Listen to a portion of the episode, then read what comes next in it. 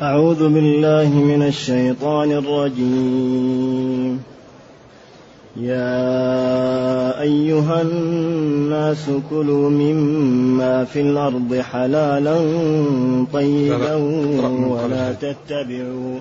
من قبل هذا. وقال الذي الذين اتبرأ الذين. إيوه.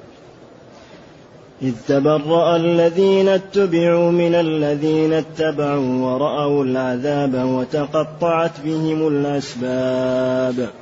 وقال الذين اتبعوا لو أن لنا كرة فنتبرأ منهم كما تبرأوا منا. كذلك يريهم الله أعمالهم حسرات عليهم وما هم بخارجين من النار. يا أيها الناس كلوا مما في الأرض حلالا طيبا ولا تتبعوا خطوات الشيطان إنه لكم عدو مبين إنما يأمركم بالسوء والفحشاء وأن تقولوا على الله ما لا تعلمون وإذا قيل لهم اتبعوا ما أنزل الله قالوا بل نتبع ما ألفينا عليه آباءنا أولو كان آباؤهم لا يعقلون شيئا ولا يهتدون ومثل الذين كفروا كمثل الذي ينعق بما لا يسمع إلا دعاء ونداء صم بكم عمي فهم لا يعقلون حسبك. الحمد لله الذي أنزل إلينا أشمل الكتاب وأرسل إلينا أفضل الرسل وجعلنا خير أمة أخرجت للناس فله الحمد وله الشكر على هذه النعم العظيمة والآلاء الجسيمة والصلاة والسلام على خير خلق الله وعلى آله وأصحابه ومن اهتدى بهداه. أما بعد فإن الله تعالى يبين في هذه الآيات خطورة من يسلك طريق الضلال. وأن عاقبته إلى الهلاك. ثم يبين الطريقة التي ينبغي أن تسلك ويكرر هذا الطريق تكريرا حتى يكون ماثلا في أذهان خلقه وحتى لا تبقى حجة بعد هذا البيان للناس. فهذا الكلام يتكرر كثيرا في كتاب الله تعالى. فقوله تعالى ومن الناس من يتخذ من دون الله أندادا يحبونهم كحب الله. هذا يبين أن التعلق بغير الله سبب لطريق الضلال. ثم يجعل أن الذي يحب الله أو يتبع الله عند نقطة الصفر لا يرجع عن دينه. أما الذي يتعلق بغير الله إذا جاءته كروبات يترك هذا ويرجع إلى الله. فهم محبتهم غير محبة صادقة لأنها إذا اختبرت وجاءتهم الابتلاءات والمحن تركوها. ثم خوفهم وحذرهم. ولو يرى الذين ظلموا ولو ترى الذين ظلموا ولو يرى. هنا قلنا لا لما فعلوا ذلك. أو لهالهم الأمر أو لندموا أو لما كفروا. على على خلاف بين المفسرين فيما يقدر. ولا علموا أن القوة لله جميعا وأن الله جل وعلا شديد العذاب إذا عذب. ثم بين أن هذا الذي يحبه إذا جاء يوم القيامة يتبرأ منه. يتخذ من دون الله أندادا يحبونهم. كحب الله فإذا جاء يوم القيامة ووقف هذا الذي يحبه كحب الله أو أشد حب منه عياذا بالله إذ تبرأ الذين اتبعوا من الذين اتبعوا. أي الرؤساء تبرأوا من المرؤوسين. يعني الإله تبرأ من من العابد له. إذا وهذه الجملة إما بدل من الجملة الأخرى أو استئنافية على أقوال للعلماء لأن كل جملة وراء جملة لابد أن تكون بينهما علاقة. أحيانا تكون العلاقة اتصال شبه اتصال. انقطاع شبه كمال انقطاع. التوسط بين هذا وهذا. إذا كل جملة وراء جملة في الغالب تكون لها علاقة بها. أحيانا تكون العلاقة الضدية لأنه مثل الكفر والإيمان الليل والنهار يعني يكون التقابل أو الضدي لذلك هذا الجانب في التفسير قليل من اعتنى به وهو علاقة الجمل بالجمل. اهتم به الطبري واهتم به ابن عاشور رحمة الله عليه في التنوير والتحرير وقال إنه ألفه للوصل والفصل. إذا يقول جل وعلا إذ تبرأ الذين اتبعوا هل هذا بدل مما قبله هنا وهو قوله أو هو مستأنف؟ هل هو معطوف على قبله أو استئناف؟ والتبرؤ هو التملص والابتعاد. تبرأ فلان من فلان إذا تملص منه وابتعد. ومنه إني بريء مما تشركون من دوني. براء. فالبراءة هي التملص والابتعاد. والذين اتبعوا هم الرؤساء. الكبراء الذين كانوا يعبدونهم. ولذلك ذكر ذلك في سورة سبأ ولا آخر سبأ. القول يرجع القول يرجع بعضهم إلى بعض. القول يقول الذين كفروا الذين استضعفوا للذين استكبروا لولا أنتم لكنا مؤمنين. قال الذين استكبروا للذين استضعفوا أنحن صددناكم عن الهدى بعد إذ جاءكم بل كنتم مجرمين. بل كنتم مجرمين. إذا هنا يتبرأ البعض من البعض ولكن هذا التبرؤ لا ينفعهم عياذا بالله. لأنه إذا ما دام الإنسان مات خلاص يختم على العمل. لذلك ينبغي للعاقل أن يبادر قبل الموت.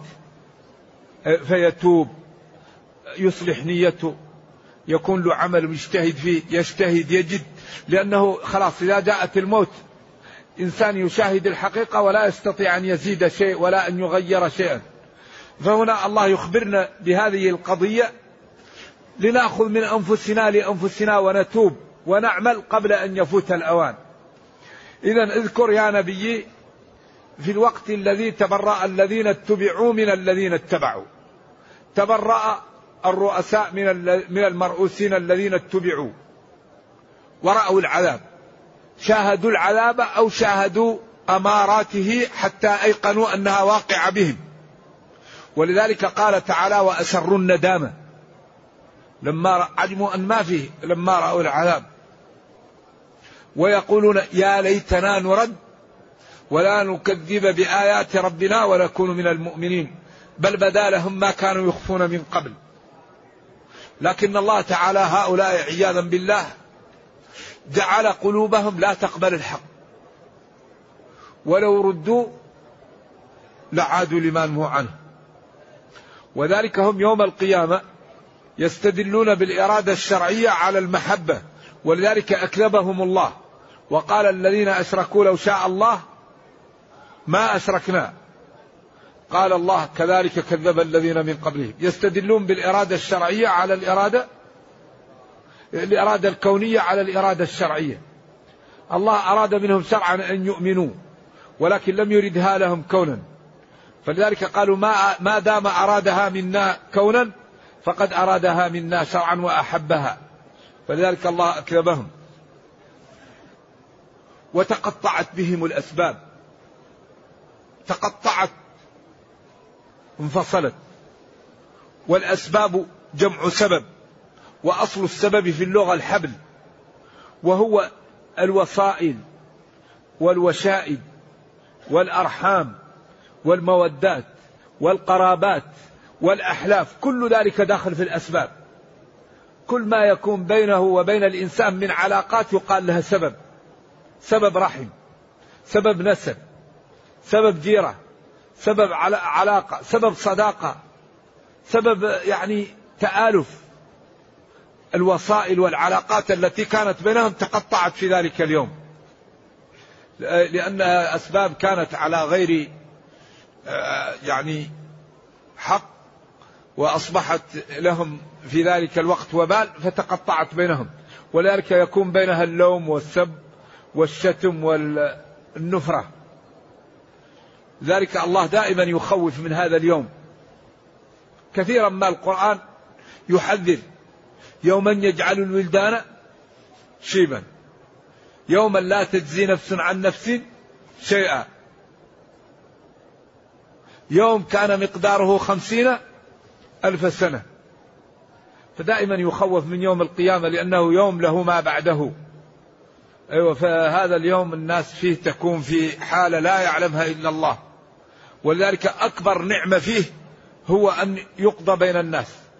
ولذلك أعطي صلوات الله وسلامه الشفاعة الكبرى في ذلك اليوم الذي يشفع ليقضى بين الناس. كل ما جاء لنبي يقول لستم ذاكم اذهبوا إلى فلان الثاني اذهبوا إلى فلان الثالث اذهبوا إلى فلان والحديث في البخاري وغيره حتى يأتيه يقول أنا لها. فيسجد تحت العرش ويلهمه الله من المحامد ما لم يهم فيقول يا محمد سل ارفع رأسك وسل والشع تعطى. هذا المقام المحمود. فهذا اليوم الحقيقة الله دائما يخوف به ويحذر مما يقع فيه فينبغي للإنسان أن يتوب ويعمل بطاعة الله. وهذا الدين ليست فيه آثار ولا ليست فيه مسائل صعبة. ومن اضطر لشيء يباح له ومن أخطأ وتاب تقبل توبته. فلماذا الإنسان يمشي في, في, في الخطأ؟ والله جعل لك طرق حلال أجعل لك في الحلال غناء عن الحرام وجعل لك في الطاعة غناء عن المعصية. ولذلك اللهم اغننا بحلالك وبطاعتك عن معصيتك. فما ينبغي للمسلم أن يتخذ طاعة الله بدل من المعصية والحلال بدل من الحرام. ولكن الشيطان لا يترك المسلم يهنأ بالحلال يجعل له الشهوة في الحرام. يجعل في الحرام طعم ما هو في الحلال. سواء كان في المال أو في الشهوة أو في فيجعل له في, في, في الحرام شهوة حتى يترك الحلال ويذهب إلى الحرام. لذلك كل ما يأمر ربنا بأمر يأتي الشيطان ويأمر بخلافه. تأملوا في أي أمر يأمر الله به. تجدون أن الشيطان يأتي بأمر خلافه. لما قال الله أحل الله البيع وحرم الشيطان قال حللت لكم الربا وحرمت عليكم البيع. قالها بالفعل لأنه سن للناس سنن أن يكون أغلب البيع جهالة وغرر ونجش وربا ولا يترك البيع الحلال يكون إلا في أضيق نطاق. لما قال يدنين عليهن من جلابيبهن قال لا اسفعنا لما قال قصوا الشوارب ووفروا اللحى قال اعكسوا. كل ما يأمر الله بشيء الشيطان يأتي ويأمر بضده. لذلك الله يقول إن الشيطان لكم عدو. فاتخذوه لا لا تقبلوا أو لا تقبلوا أوامره. أغلب الناس التي تنحرف عن طريق الشيطان والتعبد على غير علم. الانحراف الديني الانحراف الديني ينشأ عن العبادة عن غير علم. إنسان يتعبد على غير علم يأتيه الشيطان ويقول له أنا الله أفعل كذا. أنا الرسول صلى الله عليه وسلم أفعل كذا. والرسول صلى الله عليه وسلم ما قال الشيطان لا يكذب علي قال الشيطان لا يتمثل بي. قال العلماء الشيطان يمنع من أن يأتي في صورة الرسول صلى الله عليه وسلم. من رآني فقد رآني لأن الشيطان لا يتمثل بي. لكن يأتيك الشيطان في صورة لص ويقول لك أنا الرسول صلى الله عليه وسلم. يكذب. لذلك الذي يحمي من هذا هو العلم. لا يحمي من, هذه الأمور إلا العلم. والعبادة إذا لم تكن على علم مظنة للكبر وللغطرسة ولغمط الناس وللرياء وللسمعة وللبدع. العبادة التي لم تكن على غير علم صاحبها مهدد بالخطر. يجيه الشيطان ويدخل البدع. يجيه الشيطان ويدخل الرياء يجيه الشيطان ويدخل السمعة لأنه لا يتعبد على بصيرة على علم. أما الذي على علم إذا جاء الشيطان يقول له أنا أعرف نفسي.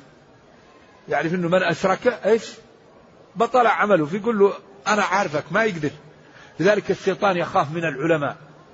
ولذلك قالوا إن طلب العلم أفضل من العبادة. أيوة العلم فضل لا يعلمه إلا الله. لما لما يحفظ به الرب العبد ولما يحفظ به الأمة إذا تعلمت الأمة نضجت وعظمت وابتعدت عن السفاسف وإذا جهلت نزلت ووقعت فيما لا ينبغي. إذا تقطعت يعني انفصلت بهم الأسباب الوسائل التي بها يتحابون ويتقاربون. وقال الذين اتبعوا وقال يعني الضعفاء والتابعين. لو أن لنا رجعة كرة كرة واحدة من الرجوع. كر عليه إذا رجع على العدو. أي كرة رجعة.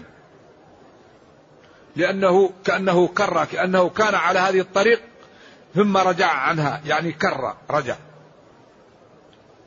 فنتبرأ منهم.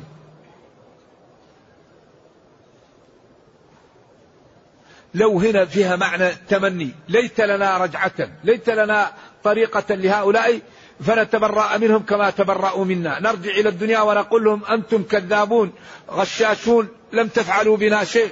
هيأتم لنا الأمر وقلتم لنا تعالوا معنا فلما صرنا إلى حاجة إليكم قلتم ما بيننا وبينكم شيء. أنتم الذي فعلتم ذلك بأنفسكم كما ذكر الله في سورة إبراهيم عن الشيطان. قال العلماء يوضع له منبر في النار ويخطب خطبته المشهورة. وقال الشيطان لما قضي الأمر إن الله وعدكم وعد الحق. من يعمل مثقال ذرة خيرا يره ومن يعمل مثقال ذرة شرا يره. الكتاب كل ما فعل الإنسان يعطاه. ووعدتكم إيش؟ خلفتكم. قلت لكم الدين كذب. قلت لكم تعالوا معي تعالوا للمعاصي تعالوا. زينت لكم خلاص وعدتكم. طيب فأخلفتكم. طيب عندكم غير هذا؟ أنا كذبت. قلت لكم تعالوا وأنتم جئتم. وما كان لي عليكم من سلطان. ما كانت لي عليكم من قوة. لا حبال عندي. أكتفكم بها. ولا قوة عندي أرغمكم. أقول لكل واحد تعال كل واحد يلبس له على قدر عقله وفهمه وبيئته. الذي يحب الشهوة نلبس له بالشهوة والذي ضعيف الفهم نلبس له بالشبهة والذي عنده كسل نلبس له بالتسويف والذي عنده محبة الزعامة نلبس له بالرياء والمحمدة. كل واحد ندخل له من الجانب الضعيف فيه.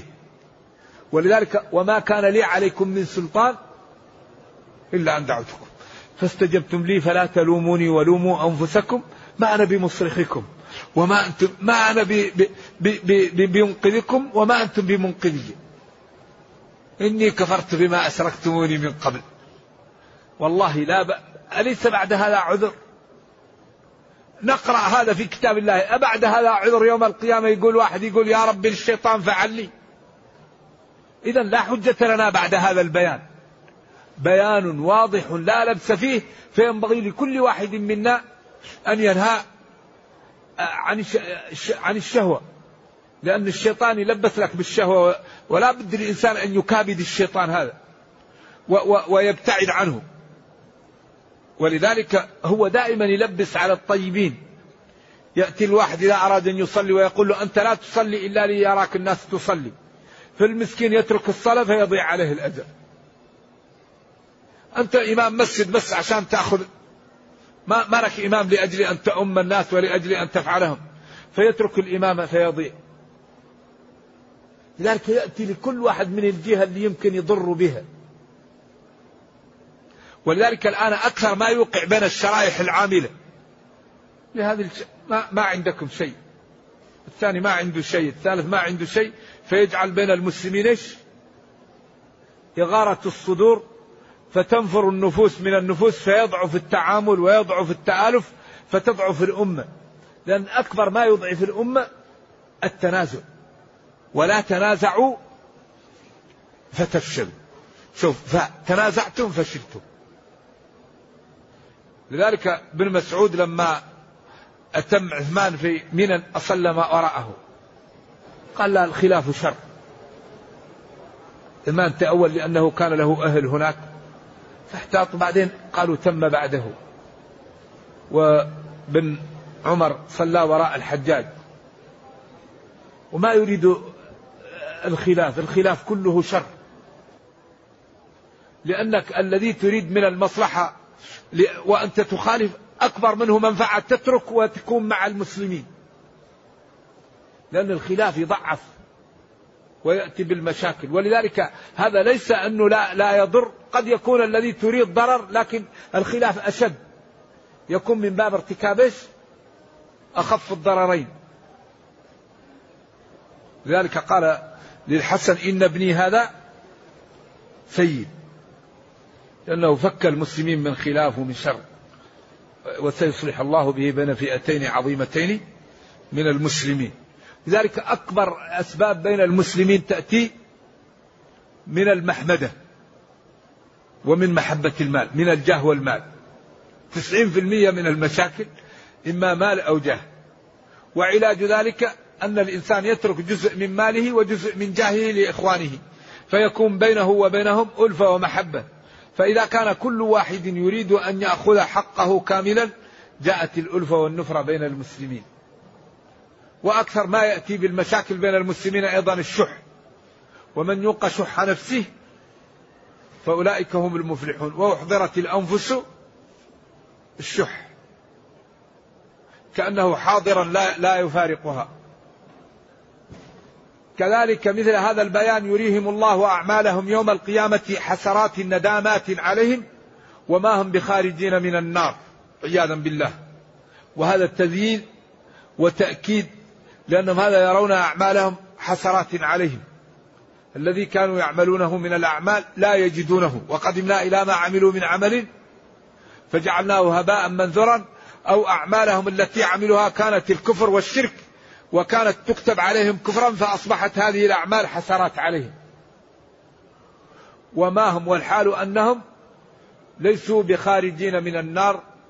ولذلك هذه الجملة الحالية هنا جاءت كأنها مستقلة وهي مؤكدة لمضمون الجملة السابقة. ثم قال يا أيها الناس يا أهل مكة أو يا يهود ونصارى أو يا مسلمون أو يا الجميع كلوا مما في الأرض حلالا طيبا وفي ذلك إزراء بأهل البحيرة والسائبة والوصيلة والذين حرموا شحومها وألبانها من اليهود والنصارى والكفار. حللوا وحرموا لأنفسهم. فالله تعالى عابهم بذلك وامتدح المتقين فقال يا أيها الناس كلوا مما في الأرض.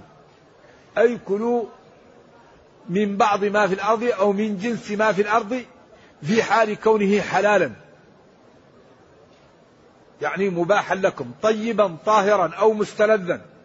ولا تتبعوا تسلكوا.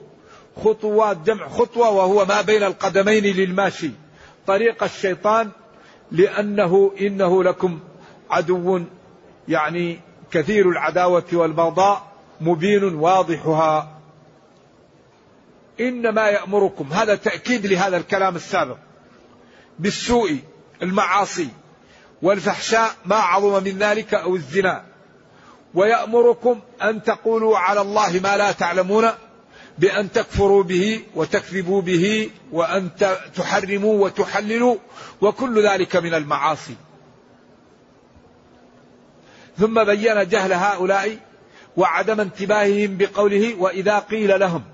وحذف الفاعل هنا لأنه لا يترتب على ذكره يعني فائدة في السياق. وإذا قيل لهؤلاء الكفار اتبعوا ما أنزل الله. سواء القائل رؤساء المسلمون أو الرسول أو الله. إذا قيل لهم ذلك اتبعوا وأطيعوا الله بما أنزله لكم. قالوا بل إضراب. نتبع نسلك ونطيع ونسير فيما وجدنا عليه آباءنا. طيب أتتبعون آباءكم ولو كانوا لا يعقلون شيئا ولا يهتدون إلى الحق؟ وهنا ينبغي أن يعلم العاقل أنه يحذر من أبيه وإنما يتبع النصوص لأن كثيرا من الناس يحجب عن أن يصل إلى الحق وأن يفهمه الله الصواب التعصب للآباء أو للأشياخ أو للمذهب أو للجماعة. فينبغي للمسلم أن يكون هواه تبعا لما جاء به النبي صلى الله عليه وسلم. فيجعل دائما قلبه وهواه تبعا للنصوص. إذا صح شيء نأخذ به. ما صح شيء الأمر سهل. لذلك اتبعوا ما أنزل إليكم. فهم قالوا بل نتبع نسلك ما وجدنا عليه آباءنا. قال لهم الله أتتبعونهم ولو كانوا لا يعقلون شيئا ولا يهتدون؟ ثم بين أن هؤلاء الذين يعبدون الأصنام أو هؤلاء الكفار حالهم كحال هذا المثل. ومثل الذين كفروا كمثل الذي ينعق بما لا يسمع إلا دعاء ونداء صم بكم عمي فهم لا يعقلون. والله ما أجمل هذا القرآن وما أحسنه. هل الممثل به هنا الكفار مع أصنامهم أو الكفار مع رسلهم التي تدعوهم؟ قولان للعلماء. فإذا قلنا إما أن يكون تمثيل الكفار مع أصنامهم أو تمثيل الكفار مع رسلهم إذا دعتهم. والكل محتمل وهذا من, من أن القرآن حمال وذو وجوه.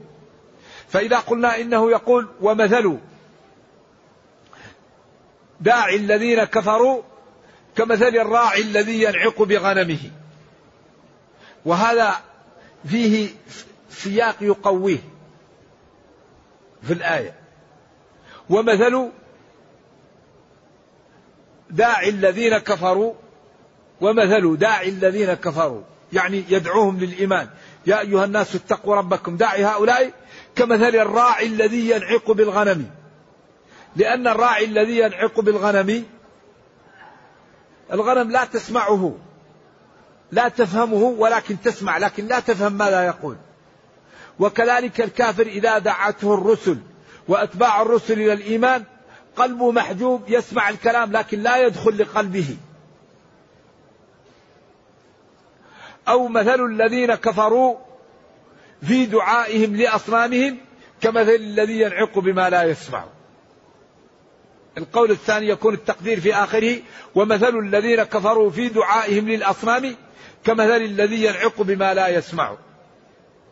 إلا دعاء ونداء. فقوله إلا دعاء ونداء يرشح أنه دعاء الكفار ما هو دعاء الأصنام لأن الأصنام لا تسمع أصلا. لأن أحيانا تكون إيش؟ حجارة. لكن يمكن يقصد بالدعاء صدى الصوت لمن هو حوله.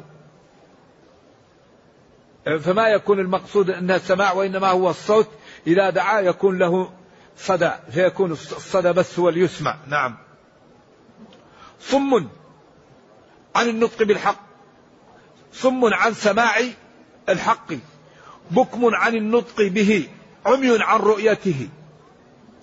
إذا من أين لهم أن يهتدوا؟ وموارد العلم التي أعطيت لهم لشكر الله محجوبة. لأن موارد العلم ثلاثة. هذا وهذا وهذا. وهذا يظهر على هذا. ولذلك قال تعالى ولقد ذرأنا لجهنم كثير من الجن والإنس لهم قلوب لا يفقهون بها ولهم أعين لا يبصرون بها ولهم آذان. قال أسمع بهم وأبصر يوم يأتوننا. لكن الظالمون اليوم في ضلال مبين. فحري بنا أن نتمثل هذه الآيات. ونتجنب الشيطان ومسالكه.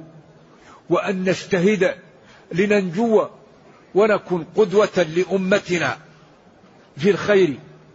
وأن نكون عندنا همما نترك لديننا ولأمتنا معالم قبل أن نموت. لأن الإنسان لا ينفعه بعد أن يموت إلا إذا ترك خير. ترك صدقة. أو ترك ولدا صالحا يدعو له أو ترك علما. إذا مات ابن آدم قطع عمله إلا من ثلاث فينبغي لكل واحد منا أن يجتهد أن يترك الثلاثة أو يترك بعضها. وينبغي لنا أن نتعاون ولا نختلف وأن نتعلم الإنصاف. كثير منا لا ينصف. كثير منا عنده مكيالان مكيال لنفسه ومكيال للآخرين. هذا ما هو الدين. الدين يكون لك مكيال واحد. تقبل الحق من نفسك وتقبله من غيرك. تنزل إخوانك منزلة نفسي. أيوة. لا يؤمن أحدكم حتى يحب لأخيه ما يحب لنفسه. إذا يقول جل وعلا هنا صم بكم عمي. فهم لا يعقلون. لأنه لا طريق للعقل لأن موارد العلم التي تأتي منه مسدودة. فكيف لهم من العقل؟ وهذا مسوق للاعتبار وللامتثال. وللتوبة وللابتعاد عن هذه المسالك التي تؤدي المسلم إلى الهلكة والإنسان. لأن أكثر ما يوبق الناس أربعة أمور. أكثر ما يوبق الناس أربعة أمور. وهي الشيطان والنفس والمال والناس. أكثر ما يوبق الناس هذه الأربعة. الشيطان. إن الشيطان لكم عدو. فاتخذوا عدوا. النفس. إن النفس لأمارة بالسوء. لا بد المسلم يعطر, يعطر نفسه على الحق. أيوة. حجبت الجنة بالمكاره. وحجبت النار بالشهوات. النفس يكابدها. يكابد النظر يكابد السمع يكابد اللسان يكابد القلب اليد الرجل البطن الفرش. لا بد الإنسان ينهى نفسه عن هواها ويكابدها. فإذا عمل ذلك ارتقى الإيمان فهانت على المسلم الدنيا لرضا الله.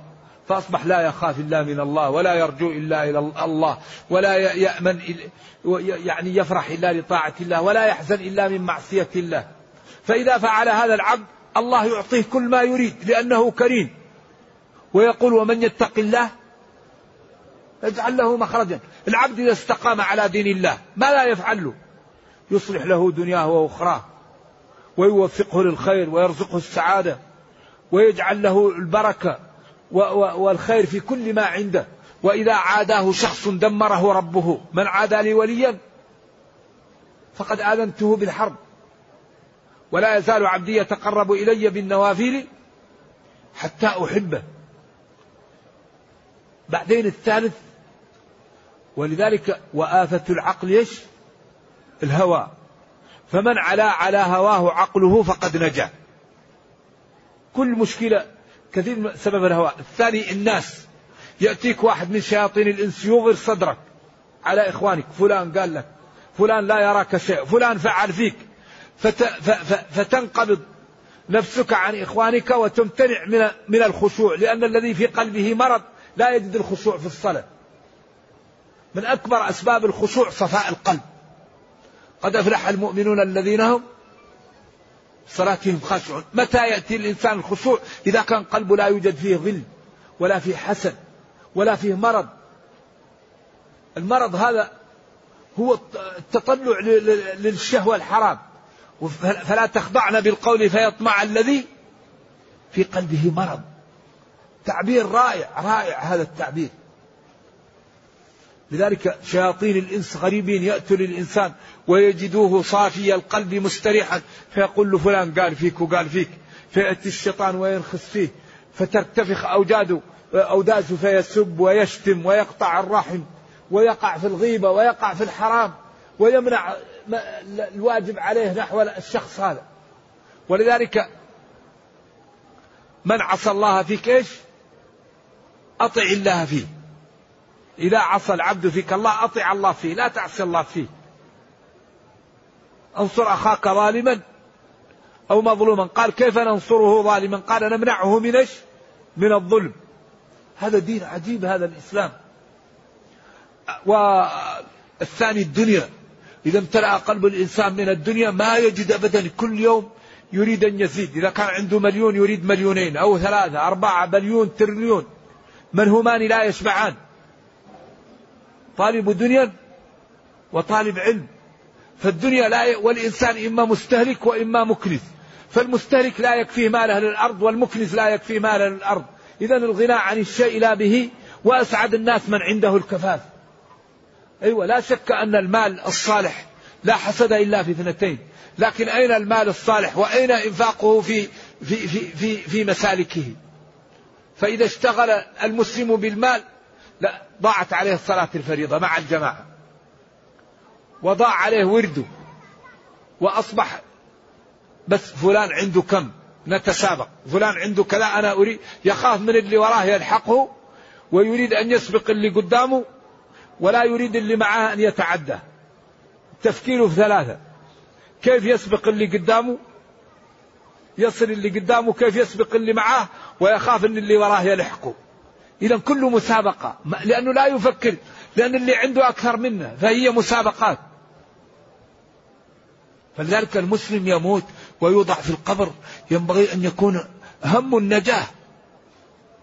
لا شك أن المال الصالح للرجل الصالح طيب وأن المؤمن القوي خير من المؤمن الضعيف. وأن الرجل عبد الله بن المبارك لو تقرأوا في سيرته كان الفقراء في مجلسه كالملوك لإكرامه لهم. وكان ينفق على أهل مروة ويحججهم. وقال من يريد الحج فليأتيني وأتوا بصررهم. فذهب بهم وحججهم. ويقال واشترى لهم الهداة فلما رجعوا لمروة رد لكل واحد صرته. لكن هذا نادر من الناس. أغلب الناس يشتغلوا بالدنيا. الدنيا ما لا تفعل بهم. تروح. إنما الدنيا لعب ولهو وزينة وتفاخر بينكم وتكاثر في الأموال والأولاد. كمثل غيث أعجب الكفار. أي الزراع نباته. ثم يهيج ييبس. ثم تراه مصفرا. ثم يكون حطاما. بعدين وفي الآخرة عذاب شديد ومغفرة من الله ورضوان. وفي الآخرة عذاب شديد لمن لم يتق الله. ما سلككم في سقر؟ قالوا لم نكن من المصلين ولم نكن نطعم المسكين وكنا نخوض مع الخائضين وكنا نكذب بيوم الدين. ومغفرة من الله قد أفلح المؤمنون الذين هم في صلاتهم خاشعون والذين هم عن الله معرضون والذين هم للزكاة فاعلون. وما الحياة الدنيا إلا متاع الغرور. سابقوا إلى مغفرة من ربكم. وجنة عرضها السماوات والأرض أعدت للذين آمنوا بالله ورسله. ذلك فضل الله. لا تنال الجنة إلا بفضل الله. فلذلك يسأل العبد ربه من فضله ويشتغل ويعمل ويستقيم ويعلم أن هذه الدنيا متاع الغرور. قل متاع الدنيا قليل والآخرة خير لمن اتقى ولا تظلمون فتيلا. فمن زحزح عن النار وأدخل الجنة فقد فاز.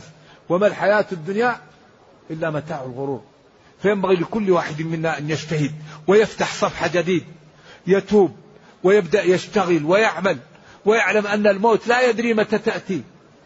الموت يمكن تأتي لإنسان أي لحظة وخصوصا في هذا الزمن الذي كثرت فيه الأمراض.